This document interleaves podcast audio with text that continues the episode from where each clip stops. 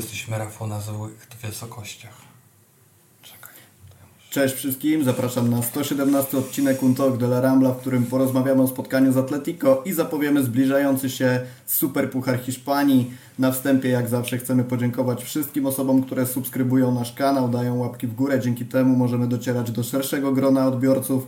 Tym, którzy jeszcze tego nie zrobili, radzimy, żeby z okazji tego, że naszym nowym redaktorem naczelnym został Michał Gajdek, w prezencie zagwarantować mu kilka nowych subskrypcji, kilka nowych łapek w górę. Pamiętajcie, że możecie nas słuchać także na Spotify, gdzie nasz odcinek znajdzie się już niedługo. A wszystkim naszym patronom również bardzo serdecznie dziękujemy i zachęcamy do dołączania do tego grona w ramach wspomożenia naszego portalu małą cegiełką finansową, dzięki której również będziemy mogli się rozwijać. Zaczynamy.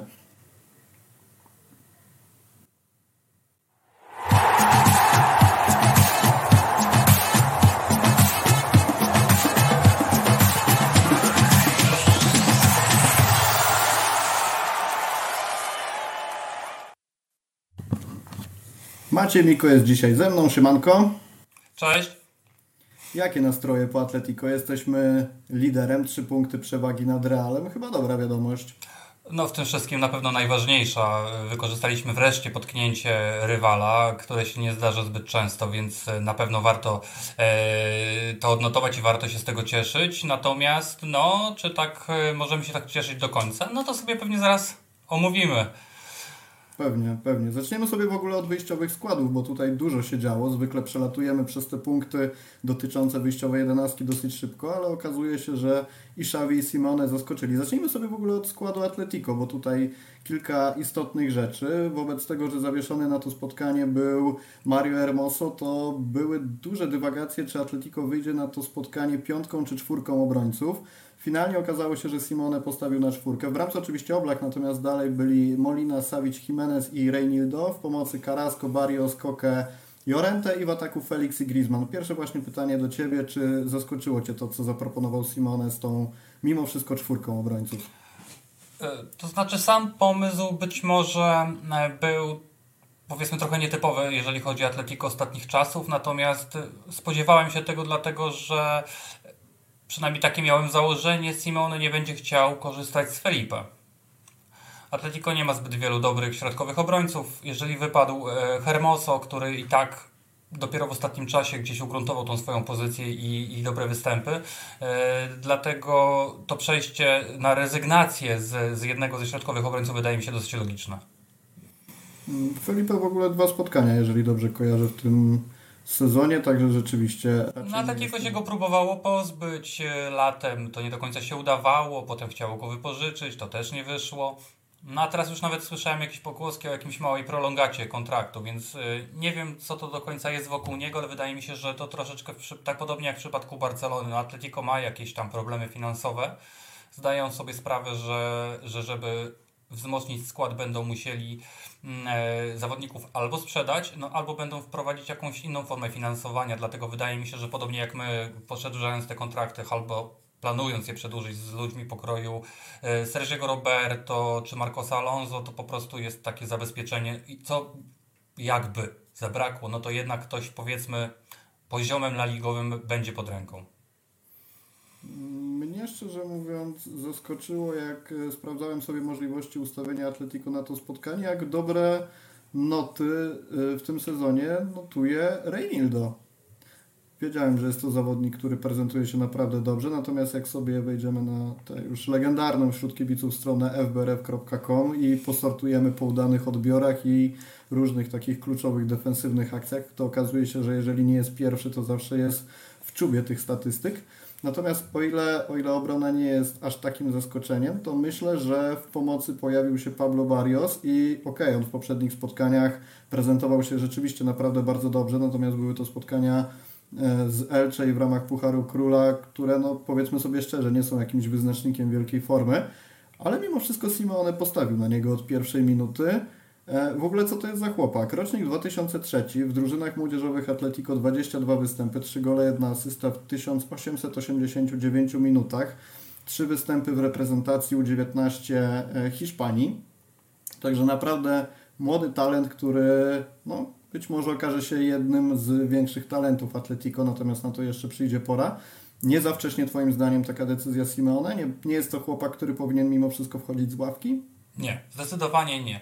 E, jeżeli można coś zarzucić Simeone, to zdecydowanie wprowadzanie młodych piłkarzy nigdy mu nie szło. Można wręcz odnieść wrażenie, że Atletico niemal nie posiada młodych wychowanków, bo nigdy ich nie możemy oglądać. No po prostu oni się czasami pojawiają na ławce, czasami wystąpią w Pucharze Króla, czasami w jakimś meczu towarzyskim e, nagle wskakuje jakieś nazwisko, natomiast rzeczywiście e, Pablo Barrios to jest pierwszy zawodnik, który rzeczywiście można powiedzieć tak szybko wskoczył, bo pamiętajmy, że on nie był brany pod uwagę przy ustalaniach składu przed mundialem. On jest niejako zwycięzcą tej mundialowej przerwy.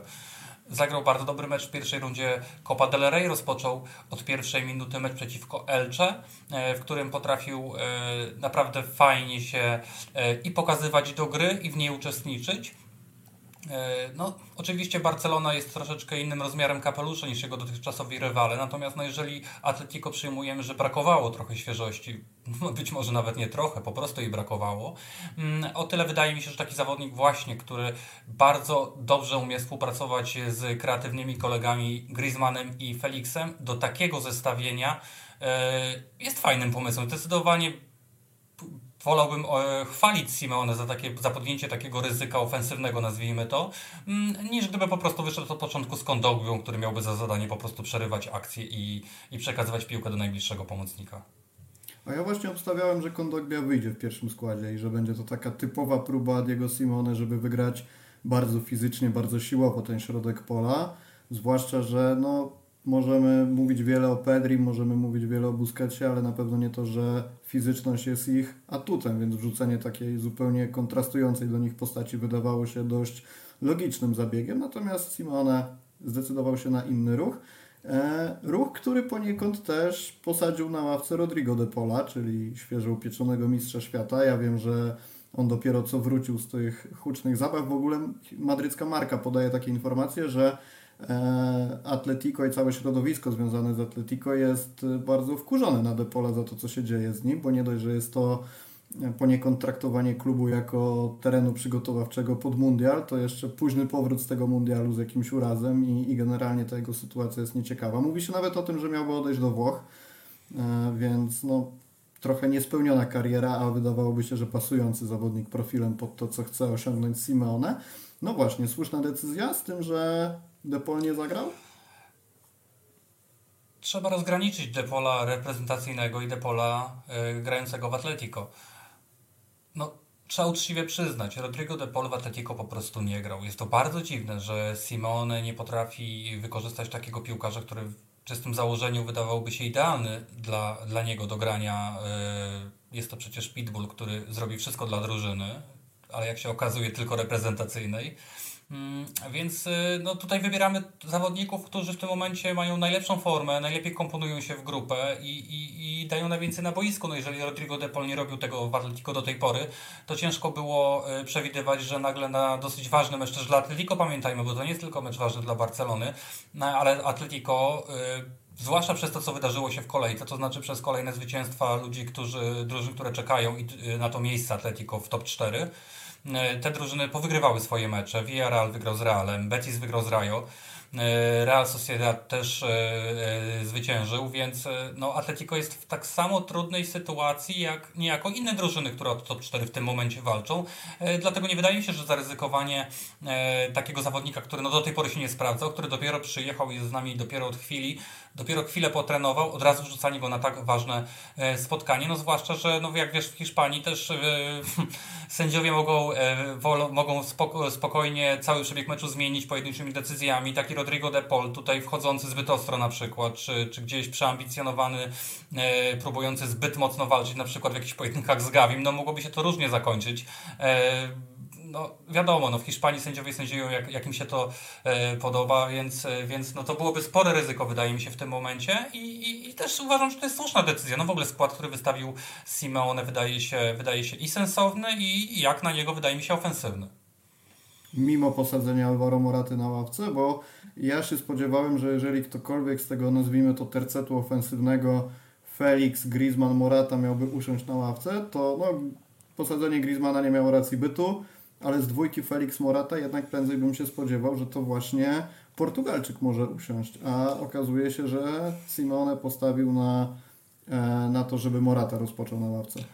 No zabrakło trochę miejsca na tym boisku po prostu, bo y, po pierwsze i Felix i Griezmann już po powrocie w tym pierwszym meczu y, z Elche pokazali, że bardzo dobrze grają ze sobą, że naprawdę się rozumieją, że y, razem z Barioszem tworzą już naprawdę fajną strukturę ofensywną, która nie skupia się wyłącznie na podawania do, podawaniach do boku piłki i, i dośrodkowaniach no natomiast znowu cała, e, cała, cała ta druga linia, nazwijmy to, czy, czy całe te boki i Moliną i Carrasco, no sugerowałyby to, że taki Morata w tym polu karnym znajdować by się powinien i na pewno jakąś piłkę, jedną czy drugą, by w tym polu karnym otrzymał.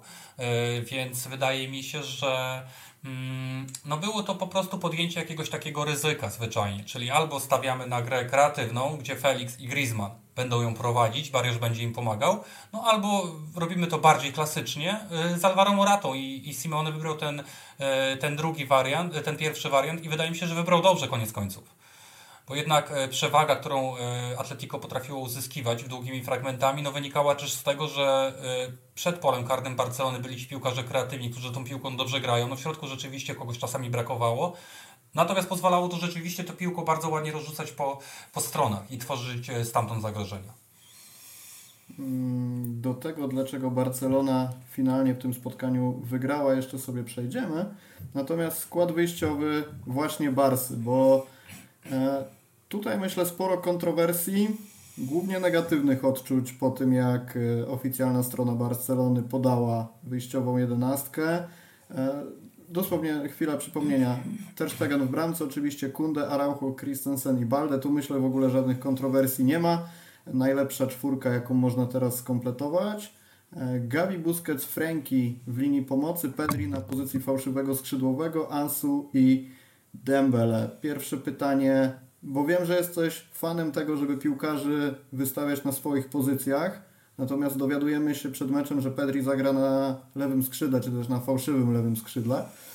I czy jest to zabieg, który usprawiedliwia Szawiego? No bo z jednej strony e, ok, piłkarze powinni grać na swoich pozycjach, z drugiej strony jest to spotkanie mega ważne z Atletico, gdzie możemy objąć trzy punkty przewagi nad Realem i czy cel uświęca środki w tym przypadku? Powiem tak.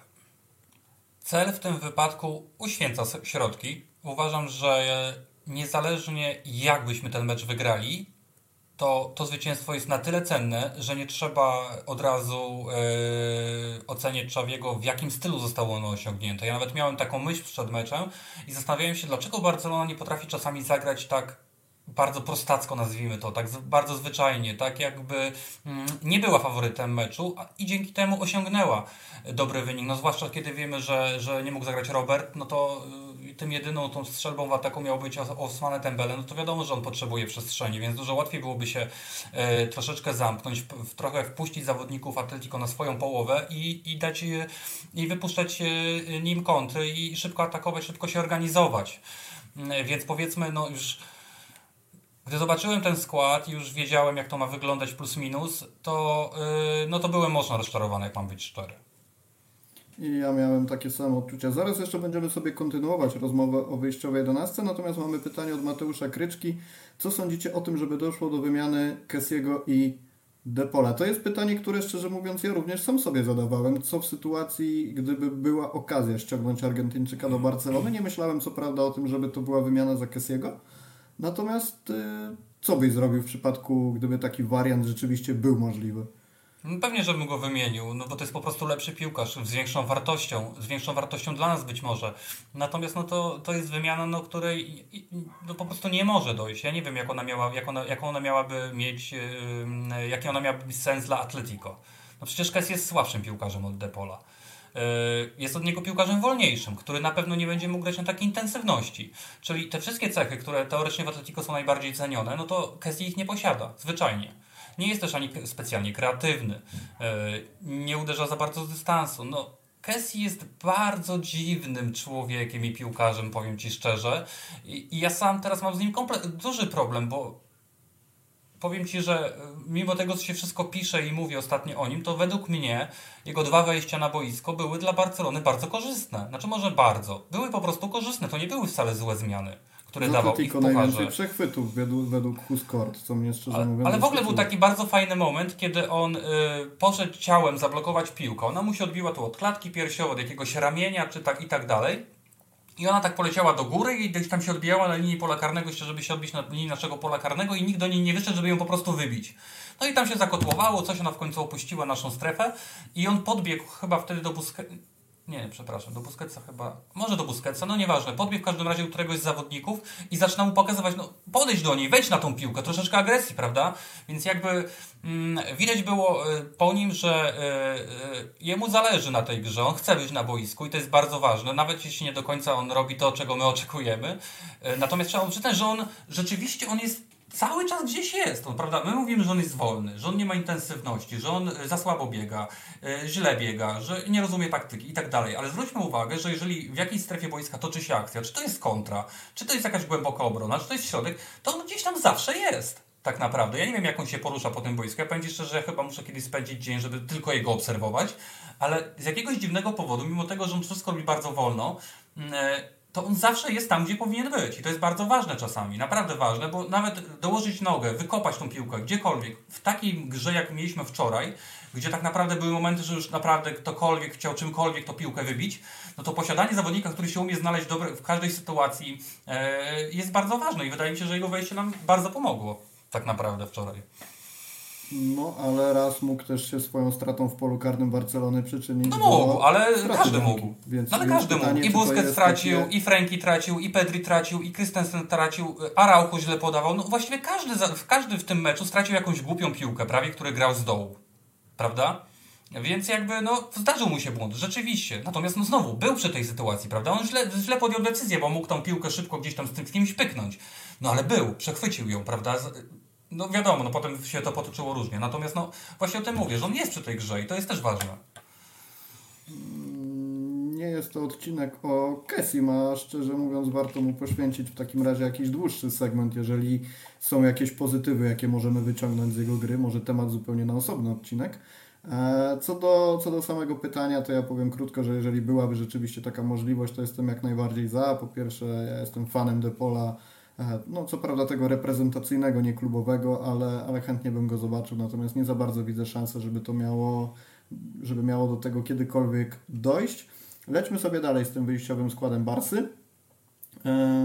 Cofnijmy się do linii pomocy jeszcze na chwilę. Frankie i Busquets niby mieli rywalizować o miejsce na defensywnym pomocniku, a finalnie zagrali we dwóch. I teraz po co Xavi wykonał taki zabieg? Czy to była asekuracja Busquetsa postacią Frankiego, żeby uwydatnić, uwydatnić to, co Busquets ma dobre, czy wręcz w drugą stronę, żeby zabezpieczyć Frankiego i dać mu więcej luzów w wyprowadzaniu piłki, bo finalnie wyszło tak, że ani jeden, ani drugi nie zagrał dobrze. Yy, wiesz co, wydaje mi się, że zamysłem było coś na kształt meczu z Realem Sociedad w i tam akurat Busquets nie mógł zagrać. Ja przypominam, że w tamtym meczu na początku z dołu razem z Frankiem zagrał Gavi. Mm, I to się zmieniło, wtedy Pedri musiał zejść do dołu, bo się okazało po tych 10 minutach w stracie Frankiego, że Gaviego tam po prostu nie ma do tej pomocy. I wydaje mi się, że to bardziej miało być coś na kształt takiego stworzenia, mm, takiego kwadratu po prostu w środku boiska, który były tą piłką operował i potrafił ją w tej środkowej e, strefie przetrzymać. Mm, więc nie, nie wydaje mi się, że w tym wypadku to miało być jakieś zabezpieczenie czy jednego, czy drugiego, no tylko po prostu współpraca, która, która zabezpieczy tę strefę. I być może trochę zabieg, ja o tym pomyślałem od razu, jak zobaczyłem skład, że stworzenie środowiska Frankiemu, które nieco przypominałoby to, co miał w Ajaxie, bo tam się dużo mówiło o tym, że wówczas Ajax grał na dwóch defensywnych pomocników i to pozwalało uwolnić potencjał Frankiego, natomiast no szczerze mówiąc nie za bardzo to wyszło, jakkolwiek no, byśmy to rozpatrywali. W grze wyglądało to powiem Ci bardzo słabo, bo tak jak ja to za, zaobserwowałem i to powiem na przykładzie tylko i wyłącznie pierwszej połowy, ponieważ w drugiej no już Franki się totalnie nie mógł odnaleźć w całej tej y, zbitej strukturze naszej, która gdzieś tam na zamknięta na 20-30 metrach kwadratowych próbowała y, te piłki odbierać i rozgrywać. No to nie jest gra dla niego, to było widać, że mu to, y, to nie leży. Natomiast no, w pierwszej połowie też warto zauważyć, y, nawet może, może sobie odwinąć te pierwsze 20 minut, że tej współpracy między Frankiem a Busquetsem wcale nie było. powiem Ci szczerze, że ja odniosłem wrażenie przez te pierwsze 20 minut, że y, piłka niezależnie przez kogo zagrana Busquetsa kompletnie omija. Y, ja nie wiem ile on miał kontaktów przez te pierwsze 20-25 minut, y, ale powiem Ci zupełnie szczerze, że jakby miał ich 5-10 to mi się nie zdziwił. Mm, graliśmy niejako bez niego. No bo to po prostu nie było potrzebne. No jeżeli my mamy, jeżeli my przez te pierwsze minuty dominowaliśmy, przez te pierwsze minuty, pierwsze kilkanaście, kilkadziesiąt minut dominowaliśmy tę grę e, i byliśmy e, głęboko na połowie Atletico długimi fragmentami, no to ta struktura troszeczkę traciła e, sensu, bo niestety no i Gavi czy to Pedri, bo oni też tam się zmieniali, mm, tym skrzydłowym nie jest i nigdy nim nie będzie, więc dochodziło do sytuacji, w której no mieliśmy czterech ludzi do rozegrania w środku pomocy po prostu. Mm, no i ten jeden po prostu był zbędny. No w tym wypadku był to przez chwilę Busquets. E, a potem to właściwie obaj przestali grać, no bo my żeśmy tą inicjatywę w całości oddali. No nie zagrało to według mnie dobrze. Ciekawe, czy Szawi będzie chciał to powtarzać. Ja nadal jestem i, i będę hmm. optował przy wersji, żeby, żeby Franki po prostu wchodził za Busquetsa na pozycję defensywnego pomocnika, a, a nie jakieś zabiegi z jednym i z drugim. To znaczy, wiesz, to jest troszeczkę tak, już żeśmy też o tym mówili, to jest troszeczkę tak, że jeżeli my już mamy tą naszą główną strukturę, wyjściową jedenastkę i wprowadzamy warianty, yy, na, przygotowane na konkretny mecz, super, bardzo fajnie, tylko kiedy my tego nie mamy tak naprawdę, tej wyjściowej jedenastki, wyjściowego ustawienia, yy, czy nawet w, czasami przydzielonych konkretnych ról, bo ja powiem Ci szczerze, nie do końca jestem w stanie zrozumieć, jaka była rola Frankiego już po tych 20-25 minutach dobrej gry. Czy on miał tą piłkę rozgrywać, czy miał to robić Busket, czy on miał wychodzić wyżej, czy niżej, czy asekurować. No powiem szczerze, on chyba też nie do końca wiedział, co ma robić, bo, e, bo on wyglądał zupełnie jak odłączony od drużyny. No, dostawał piłkę, próbował coś tam zrobić, coś ruszyć, no ale to był taki tłok, że on się tam nie mógł w ogóle odnaleźć. No, była taka bardzo e, charakterystyczna strata, gdzie on już próbuje wyjść, od razu dostaje ślisk, prawda, z zabraniem piłki, już tej piłki nie ma. E, no, za gęsto tam było i to było za gęsto, bo my wybraliśmy takie granie, prawda? No, Czawi nie zrobił tego przypadkiem, no, nie pomylił się yy, wpisując skład. On chciał zagęścić tą strefę do maksimum, tylko że kiedy my oddaliśmy kontrolę i ta strefa do maksimum zagęszczona skupiała się głównie na naszej połowie, no to tych naszych czterech pomocników, gdzie wcale nikt nie był fałszywym skrzydłowym, tylko po prostu oni na siebie zabiegali, yy, zwyczajnie no, było nas tam za dużo do tego. Zwyczajnie. I jeden był niepotrzebny. No albo trzeba było dać dodatkowego obrońcę po prostu i się bronić, skoro taki był zamysł. E, albo dać dodatkowo skrzydłowego, nawet Rafinie wprowadzić od razu. Niech biega za tymi piłkami jak wariat, prawda? Natomiast no, posiadanie Frankiego było głupie, więc ta zmiana była e, bardzo sensowna według mnie, mimo że ja bym go nie zmieniał, bo właśnie obawiałem się, że za chwilę może się okazać, że Busquets już nie ma siły i że zostaniemy bez ich obu na boisku, co, co już u nas jest sporym ryzykiem.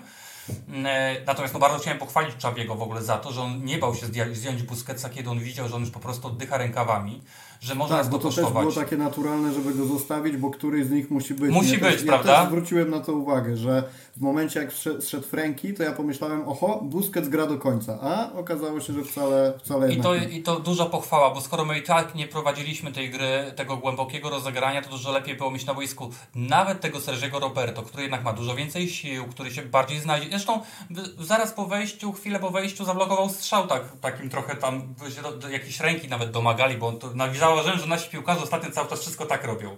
Na wszelki wypadek, bo Araujo też by prawie sobie samobuja trochę e, rykoszetował w ten sposób. To samo zrobił e, Sergi Roberto i zablokował na przykład taki strzał e, z bliskiej odległości, znaczy blisko, blisko pola karnego. No, Busquets gdyby nie była, a to się często zdarza i jemu zresztą, i Frankiemu, że oni tych strzałów nie blokują, no nie wiadomo, co by się prawda potoczyło. Więc, e, więc czasami warto mieć nawet kogokolwiek, kto tą nogę dołoży, kto tą piłkę wybije, kto się wyjdzie na pozycję i umie zagrać na jeden kontakt, niż po prostu mieć nawet dużo lepszego zawodnika, który zwyczajnie nie ma fizycznie siły, żeby być tam, gdzie, gdzie jest gra. Wywołałeś po drodze nazwisko jednego piłkarza, który był prognozowany do tego, że jest pewniakiem, jeżeli chodzi o ten ofensywny tercet i to jest Rafinha. Okazało się, że jest to kolejne spotkanie, w którym Brazylijczyk na boisko nie wybiegł. Wydawałoby się, że jest to dosyć oczywiste, że, że powinien po tych ostatnich dobrych spotkaniach, nawet jeżeli nie pod kątem dostarczania samych liczb, chociaż oczywiście no, wygrany mecz z Osasuną dzięki niemu, też wyprowadzenie Barsy na prowadzenie w meczu z Intercity, natomiast no, Xavi znowu zaskoczył. I, I co się z nim dzieje? Dlaczego tak, tak wyszło? No tutaj to wydaje mi się, no, że jeżeli trzeba było poświęcić kogoś z dwójki e, skrzydłowych, e, no to oczywiście no, na taki mecz zwłaszcza musi być poświęcony Rafinia, no bo jeżeli my gramy praktycznie jednym zawodnikiem w ataku od startu, no bo Ansu no nie wiem, no nie chcę już o nim źle mówić naprawdę, bo, bo mam wrażenie, że to jest, e, że to nawet nie jest e, temat do jakiegoś tam e, śmiania się z niego, czy, czy to musi być jakaś duża tragedia, wydaje mi się, w jego głowie, że on nie może wrócić nawet częściowo do tego, co prezentował przed kontuzją. Miał bardzo fajne dwie okazje, nie wykorzystał ich. Strzelał gdzieś, gdzieś w obrońców, nie zabrakło zimnej krwi. No natomiast wiadomo, że jeżeli masz do wyboru i Rafinie i Dembele, no ja zakładam, że Czawi musiał gdzieś przewidywać taki scenariusz, e, że ten mecz może tak wyglądać, no to, no to zdecydowanie stawiasz na tego, który prędzej ci zrobi różnicę w pojedynkę. No i oczywiście Dembele jest tym zawodnikiem, e, który nie dość, że oczywiście cały mecz według mnie zagrał bardzo słaby, mm, e, natomiast no, strzelił bramkę. Wtedy, kiedy, kiedy my dobrze graliśmy, no to on tam gdzieś blue mm, strzelił tą bramkę wyciągając wnioski, co jest też bardzo fajne, bo bardzo podobna akcja była niewiele minut wcześniej była bardzo podobna akcja, kiedy on zaczął przyjmować, gdzieś mu ta piłka uciekła, już tego strzału nie oddał. No tutaj już nie było tego problemu, od razu po prostu się zdecydował i trafił. E, drugi raz, to jest też bardzo ważne, bo e, już teraz nie, nie pamiętam wszystkim, ale wszystkich zawodników, ale jest jednym chyba z czterech czy pięciu zawodników w ogóle w La Liga, którzy na, strzelili tylko bramkę na ich stadionie, odkąd jest wybudowana Metropolitano.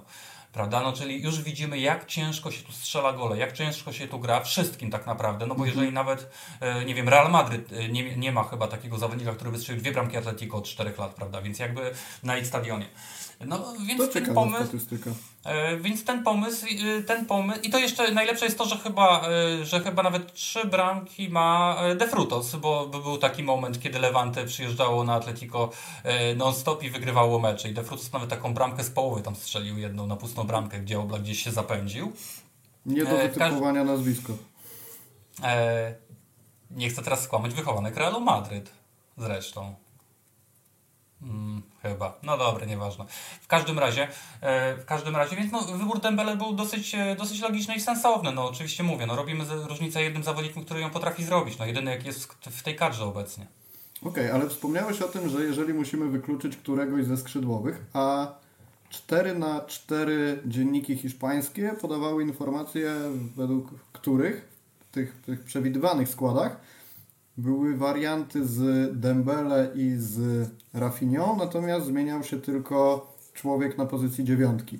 I tam był albo Ansu, albo Ferran. No i ja się zastanawiam, dlaczego, dlaczego nie Ferran, tak po prostu, no bo załóżmy proste, prostą rzecz, że nie wykluczamy żadnego z dwójki Dembele Rafinia.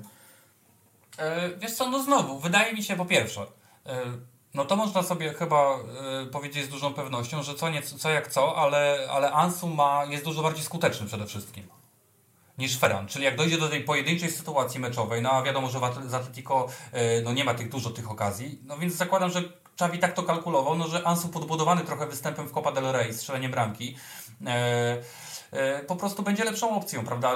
Będzie miał tą jedną okazję i ją po prostu wykorzysta, no bo Ferran potrafi mieć pięć świetnych okazji, żadnej nie wykorzystać, prawda?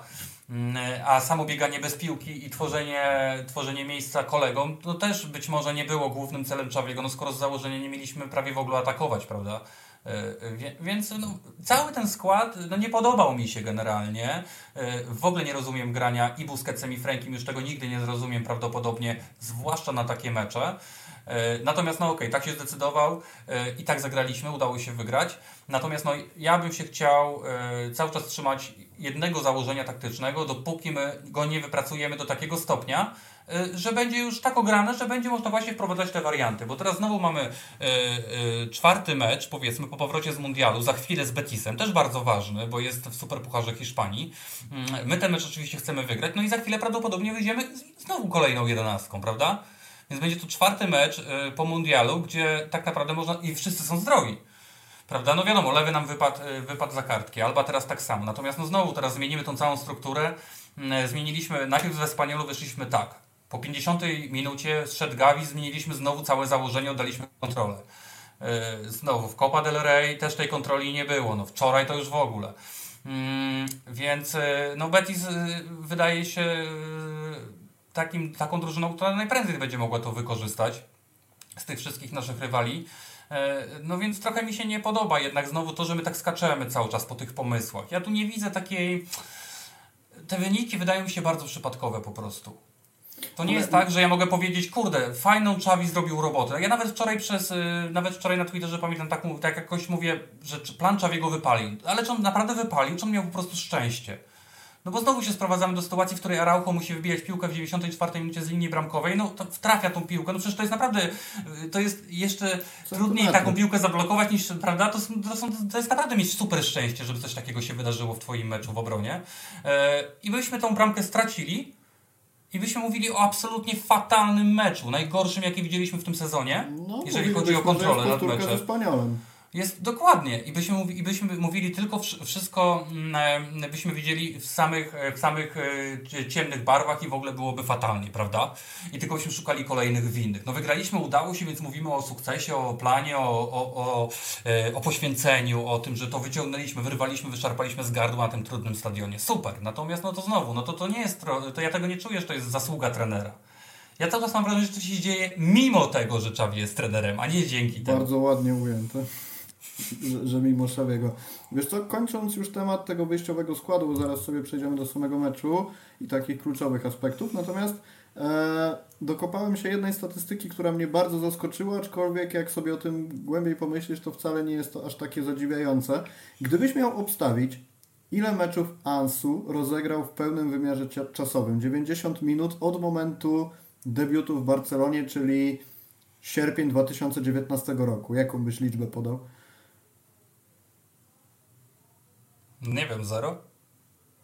Aż tak źle nie jest. To są, ale to są, to są cztery spotkania z Wiktorią Pilzno e, ostatnio w fazie grupowej Ligi Mistrzów. Osasuna, tak, Osasuna w lipcu 2020 roku i dwa mecze w ramach e, Pucharu Króla. To jest styczeń 2020 roku, trzecia runda i jedna ósma z Ibizą i Leganes i to są jednocześnie jedynie dwa mecze siłą rzeczy, które rozegrał po 90 minut i dwa z rzędu.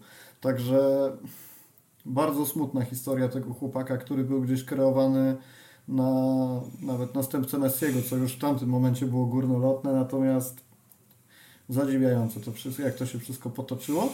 Dobra, e, przechodząc już do takiego podsumowania, gdybyś miał powiedzieć, jakie czynniki najbardziej zadecydowały o tym, że trzy punkty pojechały do Barcelony, to co by to było? Mimo wszystko to, że Xavi potrafił w jakiś sposób zareagować i dopasować potrzeby Barsy do, do przeciwnika, czy druga rzecz, która bardzo często przewijała się przez Twittera i przez Rumble, czyli to, że my poniekąd mieliśmy bardzo dużo szczęścia i no zresztą to, co też Ty wspomniałeś, że nie tyle my wygraliśmy, co nie przegraliśmy tego, nie zremisowaliśmy. No, szczęścia na pewno mieliśmy trochę. Oczywiście Atletico też miało trochę szczęścia, bo e, tak naprawdę tych klarownych sytuacji oni aż tak dużo nie mieli. My też mieliśmy swoje. E, przypominam też, że Ferran strzelił bramkę, no z dosyć sporego spalonego, to prawda. Natomiast no to też y, trochę zachowanie, taki brak, brak troszeczkę y, doświadczenia chyba w grze w polu karnym, no bo tutaj aż prosiło się, żeby zrobić krok do tyłu przed tym przedłużeniem podania, bo to tak jakby wszystko wyglądało idealnie. Gdyby on krok do tyłu zrobił, to nadal by do piłki spokojnie zdążył i byłaby ta bramka, prawda? Więc tutaj wydaje mi się, że za- zabrakło doświadczenia w ustawieniu się zwyczajnie. No była akcja Dembele, którą Savic y, skasował, prawda, po pomyłce Reynildo. No miał Pedri przecież świetną okazję, też po, po, błędzie gdzie nie wiedział co zrobić, ostatecznie próbował przelobować w ogóle stojącego na baczność Oblaka. Ja nie wiem, co mu tam się przestawiło w głowie. Brakuje nam tych zagrań z pierwszej piłki. No to było tak widać. W tym, w, bardzo mamy duży problem, żeby grać z pierwszej piłki. E, Wystarczy, że Kunde na chwilę wchodził z Dembele w bardzo krótką wymianę i się robiło od razu przestrzeń. To samo z Gavim. Mm, Natomiast bardzo rzadko robi to niestety Busquets taką grę z pierwszej piłki, bo on to zawsze musi jeszcze po tej nodze przetoczyć. No Franki też wiemy, że, że lubi akurat y, tą piłkę przyholować, więc ta piłka z pierwszej nie zawsze mu idzie. No i to jest według mnie spory problem, bo bardzo ciężko nam jest zbudować e, akcję ofensywną. No bardzo podobało mi się to, że waliliśmy środkiem, no to się naprawdę opłaciło. Mm, e, I to było fajne, że e, spróbowaliśmy czegoś nowego, czyli nie to dośrodkowanie. Oczywiście nie było nikogo na to dośrodkowanie, ale mimo wszystko nie graliśmy w to, co można, czego można było się spodziewać w sytuacji, kiedy będzie e, trudniejsza sytuacja.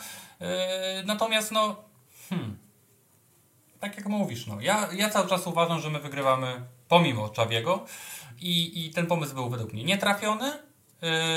mieliśmy bardzo dużo szczęścia, natomiast głównym oczywiście kluczem do naszego sukcesu jest powrót, powrót. Jest wreszcie oglądanie naszej najlepszej linii defensywnej, jaką możemy stworzyć obecnie w naszej drużynie i to, co wyprawiał ja nie powiem Araujo, bo Araujo mi bardzo podpadł tym, że nie skoczył do Jimeneza E, była taka główka Jimeneza, która minimalnie minęła słupek. Mac nie miałby żadnej szansy do niej doskoczyć, a, a Araujo ją po prostu zostawił. W ogóle do niej nie wyskoczył. Bardzo mnie to zdenerwowało i mi się to nie spodobało. Natomiast Andras Christensen to jest ten cichy bohater. Cichy bohater, który po prostu podejmuje praktycznie tylko dobre decyzje, E, który się pod presją e, i tego stadionu, i naporu Atletico w pressingu w ogóle nie ugiął, co też często było, e, co też często było wypominane mu jako jego jeden z głównych problemów. Dlatego zdecydowanie szczelna linia obrony, oczywiście uzupełniona o naszego powracającego do formy Matsa. No właśnie i jeszcze powiemy sobie o Matsie, natomiast chciałbym odpowiedzieć, bo mamy pytania na czacie. E, od Y Kacper 13 i od Extra Shoty. Pozwólcie, że dokończymy temat Atletico i odniesiemy się do, do Waszych pytań. Dziękujemy bardzo za nie oczywiście. Zachęcamy do zadawania kolejnych, natomiast chciałbym już po prostu zamknąć temat tego meczu ligowego i przejść sobie dalej. E, co do Terstegena, tu również bardzo podzielone opinie na ten temat bo z jednej strony wspominało się o tym, jak e, nieudolnie wychodził do niektórych dośrodkowań. To się skończyło oczywiście bez jakichś większych e, skutków negatywnych, przede wszystkim odbiciu się na wyniku. Natomiast powiem Ci, że znalazłem taką statystykę, znowu FBRF.com się kłania i jest taki współczynnik, który nazywa się PSXG. To jest ewoluowany współczynnik XG, który nam mówi o tym, jakie jest prawdopodobieństwo zdobycia gola, ale biorąc pod uwagę nie tylko miejsce oddawania strzału, ale też miejsce, w które leci piłka po oddaniu strzału. No ten, ten, ten skrót PS to jest postrzał, więc nie, nie trudno się domyślić o co chodzi. I tak jak sobie często wspominamy, Mateusz Doniec prowadzi taką statystykę, ile razy Barcelona zachowała czyste konto w tym sezonie, to jest, yy, Barca straciła w tym, w tym sezonie tylko 6 bramek, czyli najmniej we wszystkich top 5 lig europejskich. I porównując sobie do zeszłego sezonu, wówczas straciła 19 e, bramek na tym samym etapie sezonu ligowego, w, których, w meczach, w których bronił Ter Stegen. I teraz e, na przestrzeni, na dystansie tych 16 spotkań w obecnym sezonie Ter Stegen uratował Barcelonie prawie 3 gole. To jest 2,9, czyli tłumacząc to tak bardzo dosłownie, Barca powinna stracić 2,9 gola więcej niż straciła. W zeszłym sezonie Barca straciła 5,9 e, gola więcej niż powinna stracić, czyli zdecydowanie widać poprawę w tym aspekcie. E, moim zdaniem kluczowy, jeżeli chodzi o ten sezon. Zresztą no, wydaje mi się, że trudno się z tym nie zgodzić. Wczoraj bardzo dobra interwencja przy uderzeniu Griezmana, to myślę, że należy podkreślić. No, to tak powiem Ci, że fajnie wyglądało, ale to naprawdę był strzał, który każdy bramkarz powinien obronić. No tutaj bardzo efektowna parada, natomiast sam strzał... To, oczywiście, tak, pewnie, oczywiście. Dobra, odpowiemy sobie na pytania z czatu. Eee, jeżeli dobrze widzę, to pierwsze pytanie, na które powinniśmy się odnieść, do którego powinniśmy się odnieść, jest od YKacper13. Co sądzicie o dzisiejszej plotce o wymianie Alby i Depaya za Wlachowicza z Juve? Był Wlacho, byłby w ogóle potrzebny? Um, szczerze mówiąc, myślę, że plotka to jest bardzo dobrze ujęte, to co zostało napisane, bo jakoś nie wierzę w powodzenie tego transferu w jakimkolwiek wymiarze. I zastanawiam się przede wszystkim, co z Lewandowskim w takiej sytuacji, bo nie widzę sytuacji, nie widzę możliwości, żeby Barca grała dwójką w ataku z Wlachowiciem i z Lewym. Nie widzę perspektywy tego, że Lewy miałby z Barcelony odejść, ściągać Wlachowicza po to, żeby siedział na ławce lub zmienianie mu pozycji jakoś tak w ogóle mi to, to, to nie siedzi ten pomysł. E, pierwsza część tego pomysłu, żeby oddać Albę i, i zwłaszcza Depaya, jest ok. Myślę, że to jest pewien zabieg, który można przeprowadzić. Można się zastanawiać nad Albą, natomiast sam Depay wydaje mi się, że jest już do odstrzału i takie decyzje zostały podjęte i kwestią czasu jest to, kiedy to się stanie. Natomiast sam Wlachowicz nie bardzo widzę go przy obecnej kadrze, e, że miałby być w ogóle rozpatrywany. Nie wiem, czy czy nie, ale w ogóle... się zgodzisz, czy, czy to znaczy znowu, znowu to jest, rozwiązanie? Hmm, to jest bardzo podobne do, do tej plotki z Rodrigo de Polem. Po pierwsze, nie widzę w ogóle kompletnie sensu i korzyści dla Juventusu takiej wymiany. To po pierwsze. Mm, no bo Depay nigdy nie będzie napastnikiem pokroju Wlachowicza, jeżeli chodzi w ogóle o pozycjonowanie. Ja wątpię, żeby Allegri nagle marzył o Depayu. Nie do końca to czuję. E, albo oczywiście jest super piłkarzem i na pewno by im się przydał, natomiast e, po pierwsze on po prostu dostanie tam mniej pieniędzy, więc wątpię, żeby się tam kierował. E, nadal ma ważny kontrakt z Barceloną. Mm, też nie wydaje mi się, żeby chciał odchodzić, nawet już pomijając kwestie finansowe.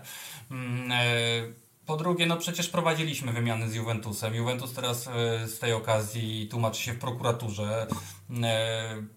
Dopiero co zdymisjonował się cały zarząd praktycznie E, więc znowu nie wydaje mi się, żeby nagle teraz znowu miało dochodzić do jakichś dziwnych kolaboracji na, na linii tych dwóch drużyn Juventusu i Barcelony, które oboje, obie mają problemy finansowe i przy dziwnymi y, y, jakimiś sztuczkami próbują je poukrywać właśnie w takich wymianach, które już jak wiemy jedna się, jedna się odbyła, była niekorzystna oczywiście dla wszystkich stron w ogóle i z piłkarzami włącznie.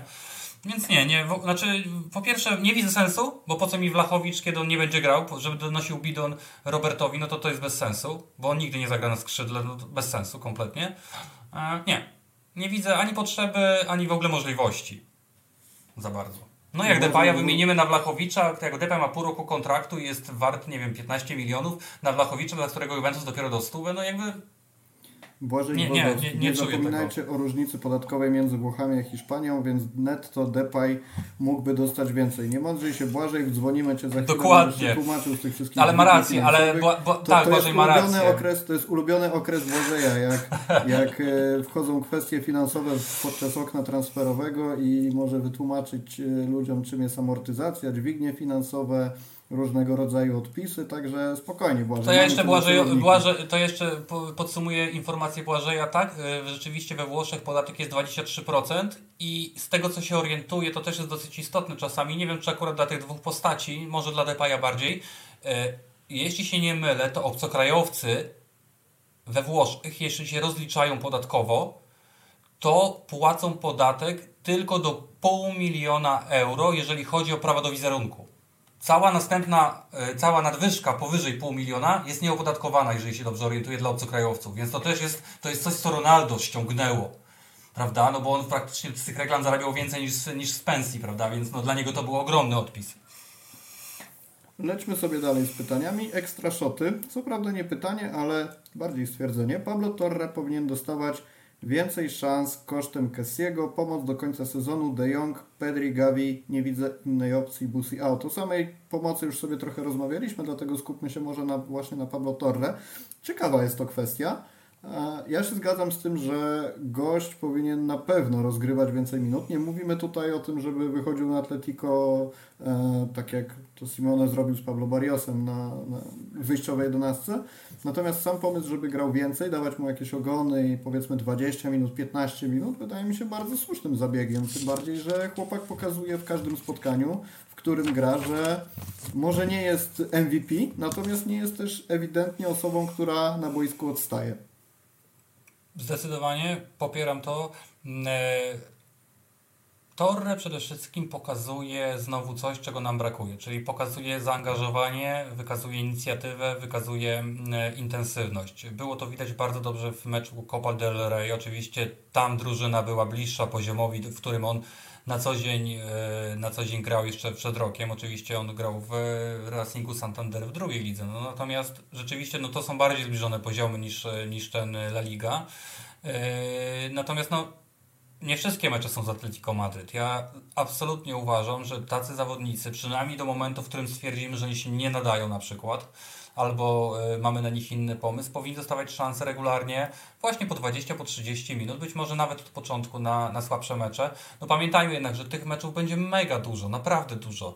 Y, Im lepiej będzie nam szło, a oczywiście wszystkim na, na tym zależy, tego będzie bardzo dużo, a my powoli dobrze wprowadzamy Kessiego, no bo my nie możemy zostać w sytuacji, w której mamy dosłownie trzech pomocników czy tam powiedzmy czterech. My musimy mieć ich sześciu przynajmniej. Prawda? Więc ja bym chciał, żeby i Tore, i Cassie byli regularnie używani, bo nigdy nie wiemy, kiedy mogą być potrzebni. E, I powinniśmy utrzymywać u nich świadomość, że są cały czas częścią grupy. Bo na początku, czy powiedzmy w pierwszej połowie tego sezonu nie było tego widać. To były zupełnie odłączone dwa elementy. Graliśmy po prostu czwórką pomocników. Natomiast no, jest nas w tej kadrze trochę więcej i wydaje mi się, że zdecydowanie Pablo Torre, zarówno jak Frank Kessi, powinni dostawać więcej czasu na boisku. Chociażby po to, żeby dać tym podstawowym zawodnikom trosze, troszeczkę odsapnąć. Mamy jeszcze ciekawe pytanie od Dave'a. Mam nadzieję, że tak się czyta Twój nick. Panowie, co z Kunde? Czy on zacznie grać na środku obrony, czy jest skazany na bok? Niestety. No ja uważam, że jest skazany na ten bok, mimo wszelkich doniesień, że on na tej pozycji nie jest zbyt chętny, żeby występować, że lepiej czuje się na środku.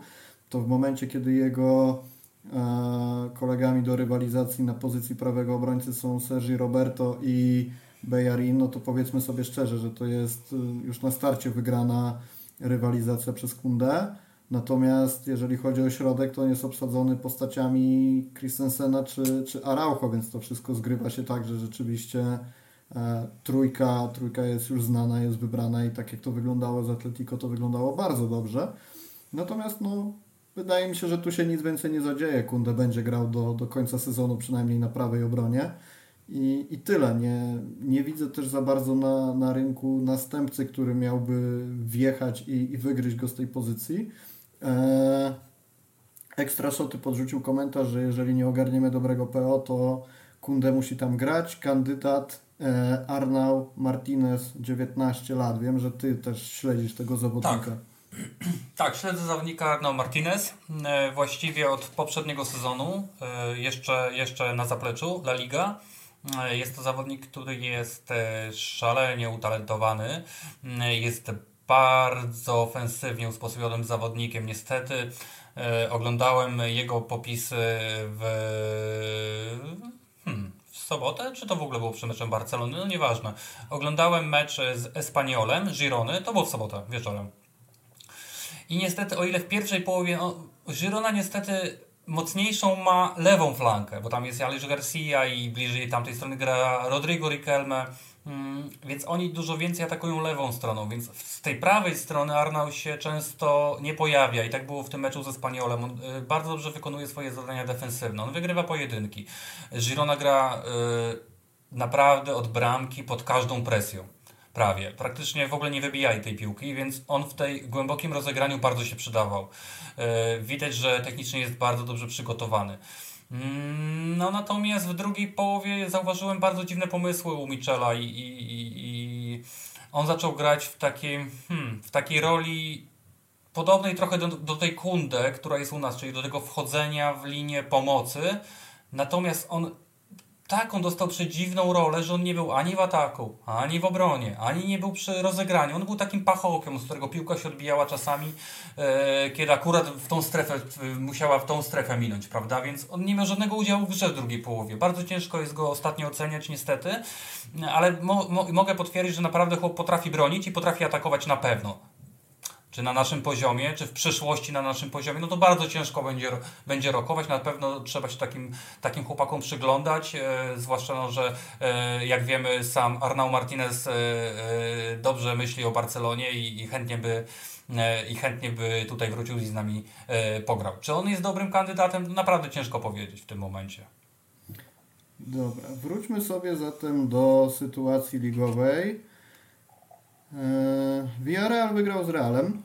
Spotkanie, które również pełne kontrowersji, bądź może nie kontrowersji, głównie sędziowskich, jak to w Hiszpanii bywa. Dla nas, jako kibiców Barcelony, oczywiście najbardziej kluczowe to, że maszyna Kike Setiena ruszyła w porę i pokonaliśmy i, i pokonała, pokonała Real. Natomiast wiem, że y, Ty chciałeś szepnąć słówko o tych decyzjach sędziowskich, tak. czyli przede wszystkim głównie o karnym po faulu czy nie faulu na Winim i o karnym dla Villarrealu po ręce Alaby w polu karnym. To znaczy w obu przypadkach były ręki e, i chciałbym e, zaprotestować tutaj na łamach tego wspaniałego kanału, żeby nie gwizdać takich karnych. To jest po prostu absurd się powoli. Po pierwsze, pierwsza ręka, czyli Fojta, nigdy nie powinna trafić na war. Nigdy. Jaki, tu nie ma żadnego błędu w decyzji niegwiźnięcia rzutu karnego. No nie możemy się sprowadzać do sytuacji, w której każde muśnięcie bez wpływu na grę będzie gwizdane jako rzut karny, bo tak naprawdę wczoraj tych karnych było być ze 3-4 pewnie. Jakbyśmy takie, takie każde badziewie, bo to przecież i, i Kunde, i tutaj, inaczej Araujo i tu blokował, i yy, nas strzelił Busquets przecież yy, chyba mm, chyba Kundę właśnie na rękę też, gdzieś tyłem stojącego. No te zdarzenia w polu karnym teraz zdarza, jest ich bardzo dużo i no to jest absurdalne, żeby takie rzeczy gwizdać. Już e, nawet nie chcę wspominać o ręce, której zagwizdali e, Alabie. No to już naprawdę to jest jakaś taka nadgłupota. No przecież widać, że chłop się wywalił podnosi się z tej ręki, robi to bardzo szybko, no zależy mu na tym, żeby szybko wstać, przewala go z powrotem, nie zdążył, prawda, no nie, prze, nie przeniósł tego ciężaru całego, tego balansu do tyłu, żeby się podnieść szybko, znowu go powala, no i on zatrzymuje tą piłkę, rzeczywiście, no wygląda to jakby to robił niemal specjalnie. I no, widać no, było ewidentnie, że robi co może, żeby Dokładnie, prawda? Wszystko, no, lecąc, na to, na, leci na tą twarz, no. Wstaje szybko, leci na twarz, robi wszystko, tylko żeby te, te, tej ręki uniknąć. Tak. No ale jak on ma to zrobić? No co on ma po prostu jak pingwin z tymi rękami wzdłuż i bęc? Przywalać gwoździa? No przecież no ludzie kochani, no to jest absurd nad absurdy po prostu, żeby takie rzeczy gwizdać. My się naprawdę nie dziwmy, że my mamy tych karnych w Hiszpanii jest w każdym meczu praktycznie jest karny. W każdym meczu jest czerwona kartka prawie ostatnio. Niestety My mamy doszło pięć... do takich absurdów, o jakich sobie rozmawialiśmy przy okazji mundialu. Jeżeli jest przepis mówiący o tym, dlaczego rzut karny powinien być podyktowany, to sędzia sobie w głowie rozkminia, że ok, ten punkt spełniony, ten spełniony, po czym okazuje się, że może rzeczywiście te punkty są spełnione, ale całość to wygląda zupełnie absurdalnie. No ja się zgadzam, zdecydowanie. Jeszcze no śmieszną rzecz, jeszcze, no. przepraszam Ci, jeszcze, jeszcze jedną rzecz, rzecz słyszałem dosyć śmieszną. E, opinię, już teraz nie pamiętam hiszpańskiego byłego sędziego, już teraz nie pamiętam, gdzie ją widziałem, e, ale no była dosyć sensowna która traktowała, że no skoro już Sotogrado zagwizdał rękę Fojta, no to nie miał wyjścia i musiał zagwizdać Alaby, bo jeżeli tam popełnił błąd, no to teoretycznie tu też musi popełnić, żeby było sprawiedliwie. Ja tylko powiem, że Sotogrado trafia do zamrażarki za ten mecz. I nie, na razie nie posędziuje. Nie, na pewno, już jest, już jest, już jest oficjalka. Przekaz, no że tak powiem. Elegancko. Razem z Mateo Lauzem, z tego co się dobrze orientuje, tak? Też no Mateo Lauz po naszym meczu to sobie, to sobie latał i po meczu e, Barcelony i Espaniolu to latał sobie w Copa del Rey i w 17 minucie wyrzucił Jorge Sampaolego za dwie żółte kartki e, w meczu Copa del Rey z Sevilla. Więc nie, nie był w zamrażarce. Nie był w zamrażarce, sobie świetnie grał i oczywiście od razu e, to już robiłem e, na Twitterze, natomiast oficjalnie możemy plotki o tym, że Mateo Laos kończy karierę są jak o śmierci Marka Twaina przesadzone. Na razie nie ma tematu. On wchodzi w wiek, który go uprawnia do przejścia na emeryturę. A co się stanie, co to zdecyduje Medina Cantalejo, czyli szef, szef sędziów, no zobaczymy. Natomiast, natomiast on na ten moment nie kończy kariery mm, z sędziowaniem. Ale jak jesteśmy przy sędziach, to José Luis Manuela Montero całkiem udane spotkanie mam wrażenie. Ja Ci powiem, że ja tak dobrego, tak dobrze posędziowanego meczu w Hiszpanii, do tego na takim poziomie to nie widziałem. A jak rzuca, jak dał czerwoną kartkę Ferranowi i Saviczowi, to mówię, no przecież to jest najlepsza możliwa decyzja. No podbieg pokazał po czerwonej tak. odbieg. W ogóle żadnego gadania, wchodzenia kto, dlaczego zaczął jakieś chlatania za warem. Widział kątem oka, bo jest takie ujęcie z boku, widział kątem oka, że to się zaczęło. Już miał to chyba gdzieś, jak to się skończy, po prostu poczekał na zakończenie akcji, podbieg, pokazał po czerwonej, nawet nie podbiegał blisko, tylko tam na 10 metrów, żeby nie przerywać w ogóle meczu, prawda? Super sędziował, nie był, był w ogóle odporny na wszelkie te krzyki, był odporny na te machania ręką, czy to, czy to krzyki Barcelony, czy to krzyki, krzyki Atletico. No powiem Ci szczerze, e, w tym momencie najlepszy sędzia w Hiszpanii, za ten mecz przynajmniej. Jakieś inne wydarzenia z Ligi Hiszpańskiej zwróciły Twoją uwagę w minionej kolejce? O, był bardzo fajny mecz. Ja mam kilka wynotowanych. Zgadza się. Zgadza tak. się. Ja też, też mam to odnotowane. 2 do 1 Real Betis i powrót do gry w piłkę Raula de Temasa. 29 minut rozegranych. Co prawda nie przełożyło nic, się to jakoś nic specjalnego. Tak. Dwa niecelne strzały, ale, ale do, do odnotowania. No, tam to był mecz przede wszystkim no, y, kuriozów tak naprawdę, bo tak, pierwsza, pierwsza, pierwsza bramka samobójcza Iwana Bailiu, to przecież nabity bramkarz wybija, y, piąstkuje mu na głowę, on tą głową kieruje do własnej bramki zabawnie. No ale za chwilę rewanżuje mu się e, Rui Silva, czyli bramkarz Betisu, który wypluwa dosyć prosty strzał e, i Rayo, Rayo doprowadza do remisu. No, e, bardzo fajna bramka Luis Enrique na, na 2-1, plus bardzo ładny strzał, ale bramka nie zaliczona z jego Palasona. Generalnie mecz bardzo ciekawy e, i w ogóle mam wrażenie, że to była kolejka ciekawych meczów w ogóle w Hiszpanii. Bo i Girona ze Spaniolem walczyła do samego końca, Mm, zakończyło się to remisem 2-2. A i Sevilla, która już miała pewne zwycięstwo, Hetafe ich potrafiło przycisnąć w końcówce, zbliżyć się na jednego gola i jeszcze im troszeczkę stracha napędzić. Rzeczywiście no do, Domingos Duarte próbował wyrównać, jeżeli dobrze tak. pamiętam, w znaczy, 85 czy 87. Znaczy on w ogóle wyrównał Duarte chyba, a nie, to przepraszam, to Borja Majora, Majora strzelił na 2-1, a tak. potem Duarte rzeczywiście był bliski, bliski e, doprowadzenia do remisu. Dokładnie. No to ważne punkty dla Sewilli, biorąc pod uwagę, że Bardzo ważne, bo już przegrała z, tak. z Kadyksem. Bardzo słaba Valencia. Bardzo słaba i powiem Ci szczerze, że nie wiem jak oni się szykują, e, szykują na, na Real, który będą grali w piątek w Superpucharze Hiszpanii. E, z Samu Castillejo, no to powiedzmy, ja akurat nie będę za nim specjalnie tęsknił, no ale podczas meczu z Cadiz e, złamał rękę, więc w nadgarstku, więc na razie e, nie wiem czy operacja, czy gips, no ale pewnie przez chwilę raczej nie zagra, więc nie jedzie e, na super puchar, podobnie oczywiście jak kontuzjowany Nico Gonzalez. E, Betisie, o, a, o, jeszcze jedna rzecz, bo skoro już było, było o Betisie, to od razu szybko możemy nadmienić, że Betis jedzie do, do Arabii Saudyjskiej bez Alexa Moreno, który smutnie opuszcza naszą ligę i przenosi, przenosi się do Aston Villa. Jeszcze na razie nie wiem dokładnie, E, nie wiemy dokładnie jaka będzie kwota, ale to jest między 8, 15 a 20 milionów, tam 17, 18, no coś, coś tam takiego zależy od tej formuły. E, no i Nabil Fekir.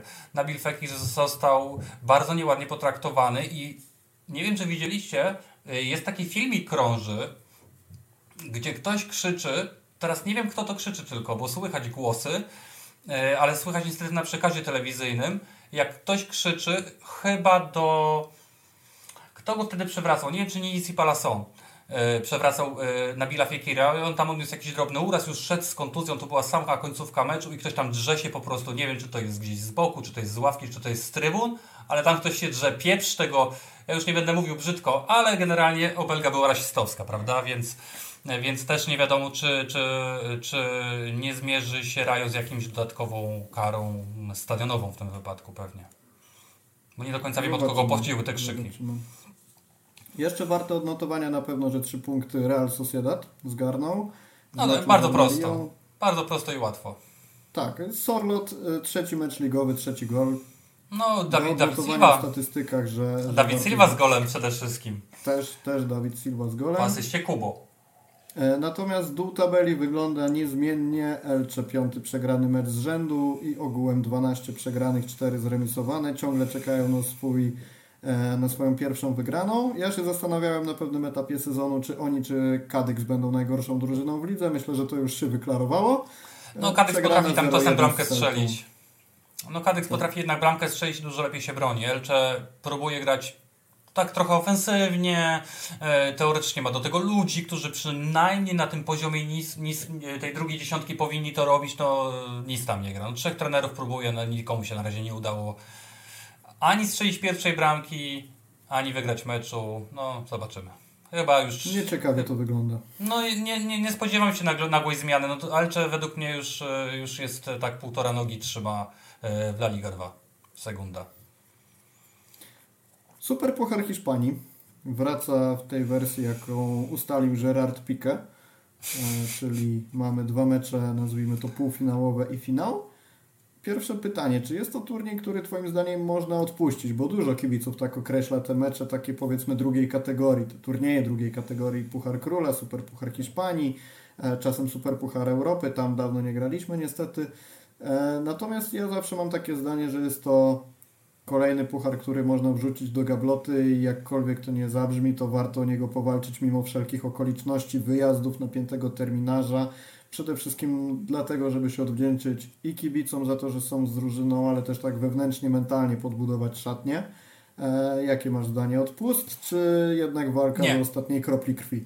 Wiesz co, jak, y, jak ta formuła się rozpoczęła jeszcze za Valverde, to y, pierwszy krzyczałem odpust. Niech jedzie druga drużyna, nam to jest niepotrzebne. No ale my wtedy robiliśmy y, ligę bez porażki na tamtym etapie.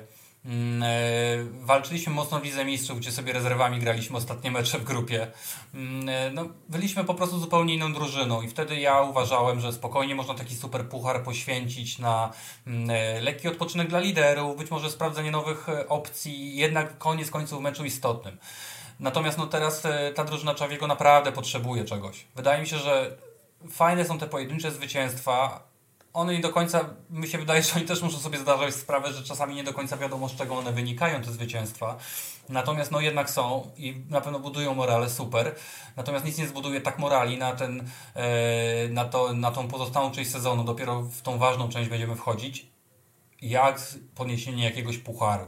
Barcelona tego pucharu w wersji nowej y, jeszcze nie ma, więc wydaje mi się zdecydowanie, że nie ma tu co odpuszczać, bo po pierwsze, oczywiście jest to puchar do gabloty, no a po drugie będziemy grali w finale, o ile nam się uda awansować oczywiście do niego, no pewnie z Realem Madryt, no więc znowu ten mecz będzie miał swój wymiar, więc jeżeli uda się pokonać Real Madryt, no to wiadomo, że od razu ten boost moralny idzie razy dwa, razy trzy, razy cztery, prawda, aż ten ogień płynie na pasku. Ale y, porażka znowu w takim meczu, nawet minimalna czy w karnych, no znowu tą drużynę może bardzo, e, bardzo zdołować. E, a zaraz oczywiście po Superpucharze, no będzie dalej i Puchar Króla zaraz potem, e, bo to troszeczkę tak się wszystko złożyło, że jeśli my zagramy w finale w niedzielę, bo to jest w tym tygodniu, przypominamy, od 12 i y, w niedzielę 15. Będzie na Eleven wszystko, bo też były pytania, jakby co, dzisiaj mieliśmy ogłoszenie. E, no to jeżeli Barcelona zagra w niedzielę z, w Riyadzie z Realem Madryt, no to w czwartek gramy z Kłetą, która właściwie zlokalizowana jest w Maroko. To można nie e, wracać do Hiszpanii. No technicznie rzecz biorąc, oczywiście oni na pewno wrócą, no bo to jednak są tam te trzy dni, no to oni wolą być na pewno w domu, no mają samolot, no, to, to, to, jak my byśmy decydowali, to pewnie tak by było.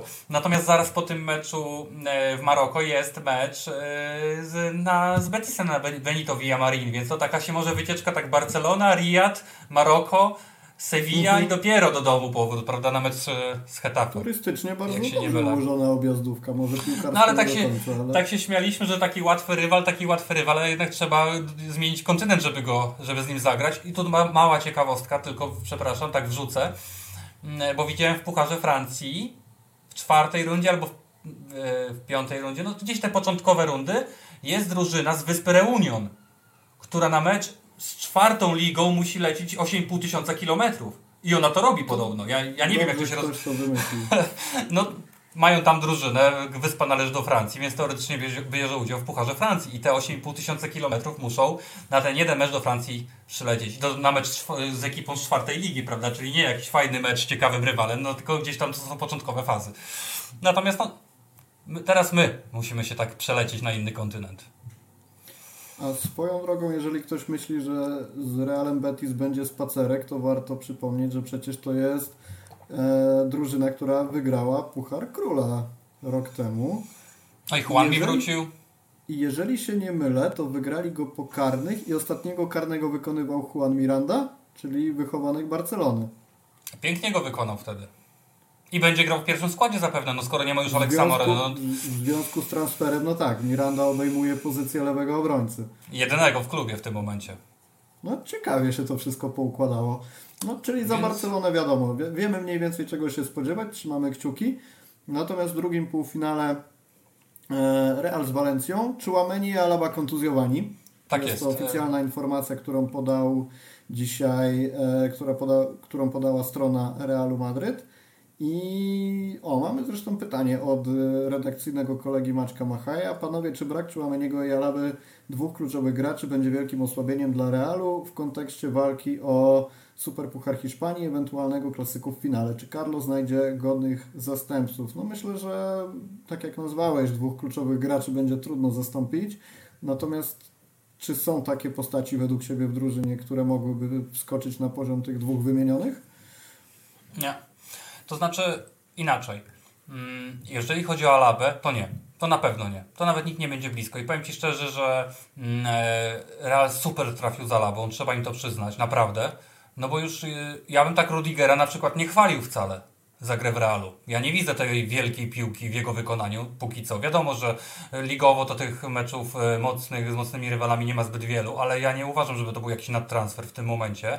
E, Militao, ile przez wiele, wiele miesięcy zbierał fantastyczne noty, no to to jest zawodnik, który ma na przykład ma duże problemy z pokryciem przestrzeni, prawda? E, w meczu z Villarreal zepchnięty już prawie, znaczy prawie zepchnięty, po prostu zepchnięty na prawą stronę obrony, więc wydaje mi się, że ktoś tak uporządkowany e, ktoś tak dobrze sterujący całym tym poczynia, poczynaniami e, defensywy jak Dawid Alaba, David Alaba teraz przecież. No bo tak, tak, tak mamy wymawiać, mówił. Więc David Alaba. Jego będzie szalenie trudno zastąpić. No to jest bardzo ważna postać, naprawdę. Jedna z kluczowych postaci Realu. Chouameni jest, e, jest bardzo fajnym zawodnikiem, ja, ja cenię jego wkład w, w drużynę Realu, natomiast wydaje mi się, że będzie zastąpić go łatwiej, bo nadal wydaje mi się, że e, on jest lepszym zawodnikiem niż e, Kamavinga, natomiast obaj są na tyle jeszcze zieloni i, i w Realu, w grze Realu i, i na boisku jako takim, że oni, ta ich rola w grze jest na razie taka dosyć, hmm, może nie tyle prosta, co nie po prostu nieskomplikowana. Nie mają jakichś bardzo zaawansowanych zadań taktycznych, yy, właściwie skupiają się na, na obiegu piłki, na odbiorze oczywiście, na doskoku i obaj robią to na dobrym poziomie. Wiadomo, nie jest lepszy, na pewno lepszy od Kamavingi, natomiast być może, no na pewno nie w meczu z Walencją. W meczu z Walencją to będzie w ogóle według mnie nieodczuwalne. O ile w ogóle to on zastąpi Chouameniego. Pamiętajmy, że Real próbował e, z Valladolid no grać tam Crossem na przykład. I całkiem nieźle to wyglądało. Cross jest zawodnikiem, który wydaje mi się może grać w każdym miejscu, jeżeli chodzi o linię pomocy. Mm, I wtedy być może Ceballos na przykład będzie grał, kto wie. No zobaczymy. No. Alaba na pewno. Chouameni jest do zastąpienia, wydaje mi się, nawet taktyką. Zresztą pamiętajmy, że cały czas w Realu biega Valverde na skrzydle po prawej stronie, gdzie może grać spokojnie na przykład Rodrigo, a Valverde wróci do drugiej linii, czy tam, gdzie jego miejsce. Mają opcję. To wydaje mi się, że, że nie będą mieli kłopotu. Lepsze mają opcje tej pomocy paradoksalnie niż my. Valverde i De Porto, o którym gadaliśmy wcześniej, to swoją drogą bardzo ciekawe przypadki, bo jeden w klubie gra beznadziejnie, a w reprezentacji bryluje, a z kolei Valverde w reprezentacji zagrał słaby mundial, a, a w klubie jest absolutnie... No ale powiem ci, powiem ci, że wydaje mi się, że Valverde mocno na razie po powrocie z mundialu obniżył loty. Przynajmniej te dwa mecze, które widziałem. E, no bo Zelcze widziałem cały ten z Villarreal, to tak fragmentami niestety, bo to nie bardzo mi pasował. Mm, natomiast no, nie powiedziałbym, że Valverde wrócił z mundialu jakoś naładowany, czy z jakąś może złością sportową za nieudany występ. I tak generalnie mam wrażenie, że troszeczkę właśnie spuścił z tonu. W kontekście marcowego klasyku jest to bardzo dobra informacja. No, do marca tak daleko, że jeszcze zdąży do niego wrócić. Ich pewnie i tak uruchomi Liga Mistrzów koniec końców, prawda? Dla, dla dobra ligi lepiej, żeby tak było, dla dobra Barcelony lepiej, żeby został przy formie mundialowej. Zobaczymy, jak te spotkania Superpucharu Hiszpanii się ułożą. Będziemy obserwować i na pewno jakiś odcinek wpadnie później. Będziemy powoli kończyć, ale jeszcze wrzucimy sobie jedno pytanie na koniec od naszych słuchaczy i proponuję, jest pytanie o Alberto Moleiro, natomiast jest to temat, który ja bym chciał poruszyć szerzej z Piotrkiem Guzińskim i omówić sobie te młode talenty, jakie brylują w Hiszpanii, czy to w pierwszej, drugiej, trzeciej lidze, on tam ich obserwuje, obserwuje więc na pewno powie e, same ciekawe rzeczy. E, natomiast mamy też pytanie od Bartka Dyducha. Dzięki bardzo za pytanie. Czy Barcelona powinna szukać nie środkowego obrońcy do Araujo, tylko rezerwowego obrońcy bądź skrzydłowego? No ciekawe pytanie. Ale re...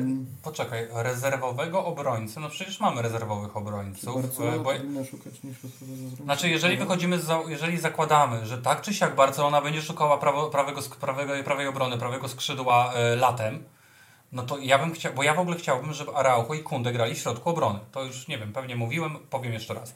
Chciałbym, żeby oni obaj grali w środku obrony, bo to są ich pozycje, to jest ich miejsce.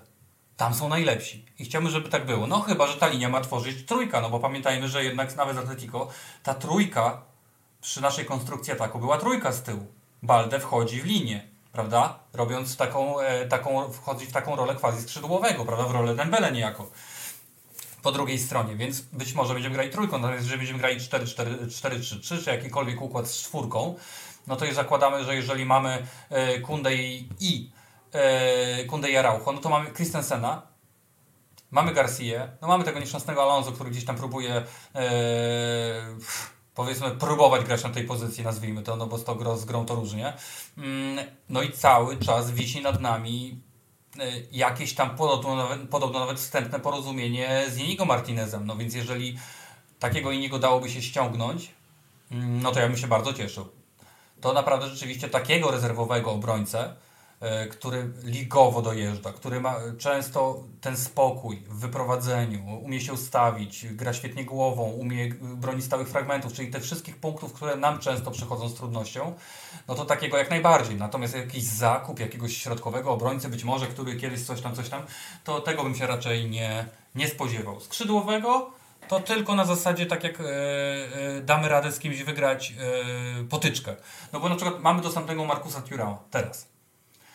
E, no oczywiście my go nie sprowadzimy zimą, e, bo nie mamy za co. Natomiast no, jeżeli takiego zawodnika można byłoby w jakimś stopniu przetrzymać do lata, no to byłoby bardzo fajnie takich zawodników kontraktować, no bo wiemy, że Markus Thuram ma dużo jakości. Mm, jest też zawodnikiem o profilu, którego u nas nie do końca, e, ten profil nie do końca u nas jest mm, obecny, zwłaszcza po tej lewej stronie. To też ja bym chętnie takiego zawodnika przy, przyjął, natomiast no, znowu on będzie takich ofert jak nasza miał 10-20. Każda będzie miała 1-0 więcej pewnie, więc hmm. Będzie ciężko bardzo nam w, na rynku transferowym bez jakiegoś dużego wyjścia, wydaje mi się, yy, konkurować. Więc my musimy albo szukać tych okazji, albo postawić na scouting. No jak wiemy, scoutingu w Barcelonie od pana Paulo, Paula Araujo nie ma. Yy, czy będzie, nie wiadomo, bo on jest cały czas zajęty tym, że się przygotowuje do, tego, do tej swojej pracy od roku. No więc troszeczkę się obawiam, że rzeczywiście yy, no, zostaniemy w sytuacji, w której będziemy mogli wybierać tylko w tych darmowych zawodnikach, którzy po prostu nie cieszyli się aż taką popularnością. No ale zobaczymy, no, sezon jeszcze, jeszcze trwa, nawet nie wiemy do końca, czego my tak naprawdę potrzebujemy. To jeszcze jedno pytanie bonusowe ode mnie. Eric Garcia, wspomniałeś go. On dzisiaj zresztą kończy 22 urodziny. Składamy najserdeczniejsze życzenia od całej redakcji. Jeżeli nas słuchasz, to ekstra.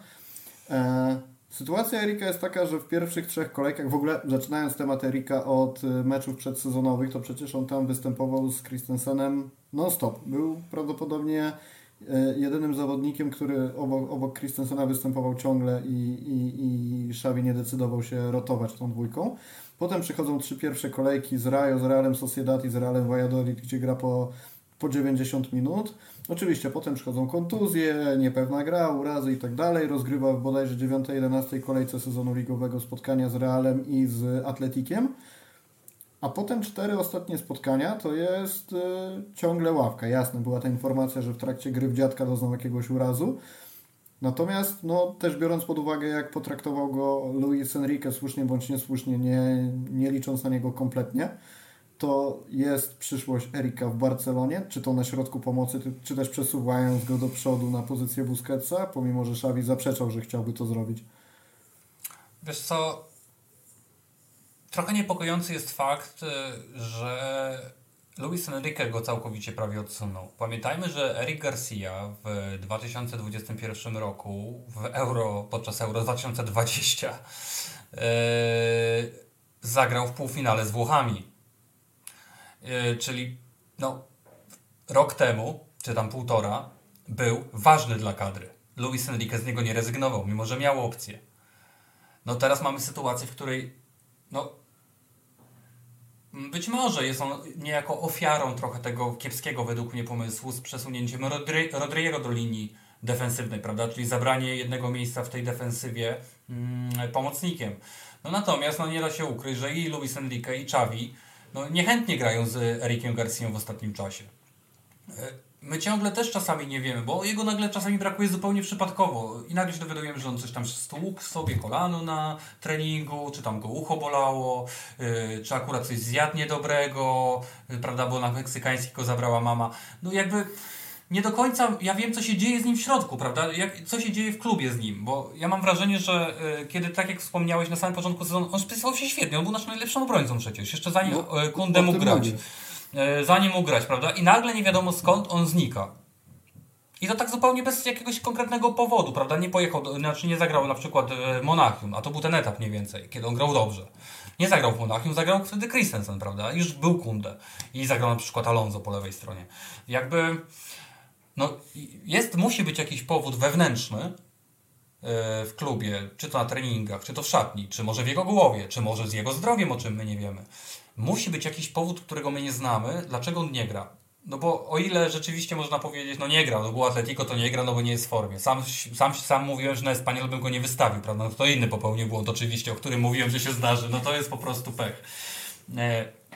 Więc e, no, coś tu się musi dziać z nim wewnętrznie, no gdzieś coś, coś, coś musi być, no nie wiem co. Coś musi być, ja z niego nie rezygnuję. Chłopak ma 22 lata, na obrońcę to jest środkowego, to jest wiek jak 13 lat dla skrzydłowego, więc spokojnie, spokojnie.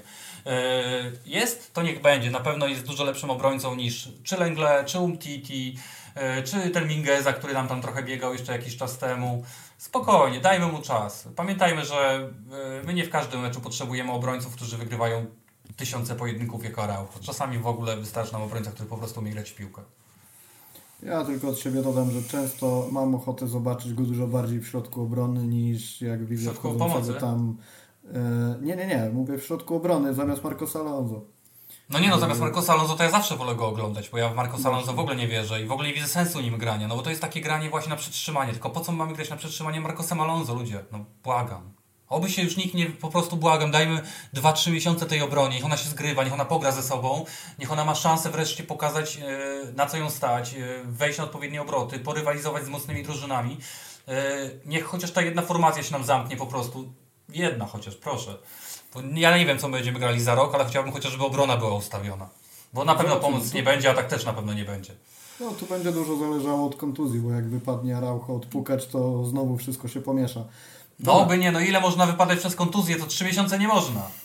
No nie można, nie można, niech on już będzie zdrowy, nie gra. Swoją drogą, kończąc podcast, yy, zrobiłem taką ankietę na szybko na Twitterze i 92% osób chce, żeby Araujo był jednym z czterech kapitanów w przyszłym sezonie. Jakich nie przez pomyłkę. Odpowiedziało, odpowiedziało trochę ponad 100, więc jest to no może nie jakaś super wiarygodna grupa badawcza, ale jakieś tam głosy wśród kibiców zostały przetestowane. No Prawda jest taka, że gdyby jemu zdrowie dopisywało i mógłby być takim zawodnikiem, który po prostu bije rekordy yy, kolejnych meczów rozegranych, to, no to to jest idealny materiał na kapitana. No tutaj lepszego w tej drużynie nie ma. I nie będzie, i długo nie będzie, no bo to jest wszystko. To jest wszystko. To jest zaangażowanie, to jest pasja, to jest miłość po prostu. To jest gość, który nie wiem skąd nam się wyczarował, niech on tylko będzie zdrowy i będziemy mieli taką radość, że on położy wszystkich, powiem Ci. Jeśli on będzie zdrowy, on położy wszystkich naszych obecnych zawodników. Jakich byśmy nie mieli planów w stosunku do Pedriego, do Gaviego, nie wiem, do Frankiego, do kogokolwiek innego. A Raucho, jeśli on będzie grał i się rozwijał i nie będzie łapał kontuzji, będzie mógł po prostu spokojnie sobie grać, to z niego będziemy mieli najwięcej radości ze wszystkich piłkarzy, jakich mamy teraz w kadrze. Będziemy o nich za 10 lat rozmawiać. Pytasz skąd on się wziął? No według mediów społecznościowych Barcelony jest wychowankiem. A, no tak. E, takim wychowankiem, co Ramon Planesz kupił. No ale niech będzie, z, def- z Justicy Defensa. No ale okej, okay, no. To ja wiem, że u nas wszyscy są wychowankami, co się na dwie minuty chociaż pojawią. Tak. Dobra, kończymy powoli. E, dziękujemy bardzo wszystkim, którzy byli dzisiaj z nami. Dziękujemy za zadawanie pytań i zachęcamy do e, udzielania się również w kolejnych odcinkach. Jeżeli jeszcze nie subskrybowaliście naszego kanału, to zachęcamy. Łapki w górę też mile widziane. Ocena podcastu na Spotify także. Zachęcamy do dołączenia do grona naszych patronów. Dzięki temu będziemy mogli szybciej się rozwijać, lepiej się rozwijać i realizować dla Was e, inne materiały. O nich też powiemy sobie trochę więcej, bo szykujemy parę niespodzianek na 2023, także bądźcie z nami. Maciej Miko był dzisiaj ze mną. Dzięki bardzo jak zawsze. Dzięki, do zobaczenia. Do usłyszenia. Dzięki bardzo wszystkim.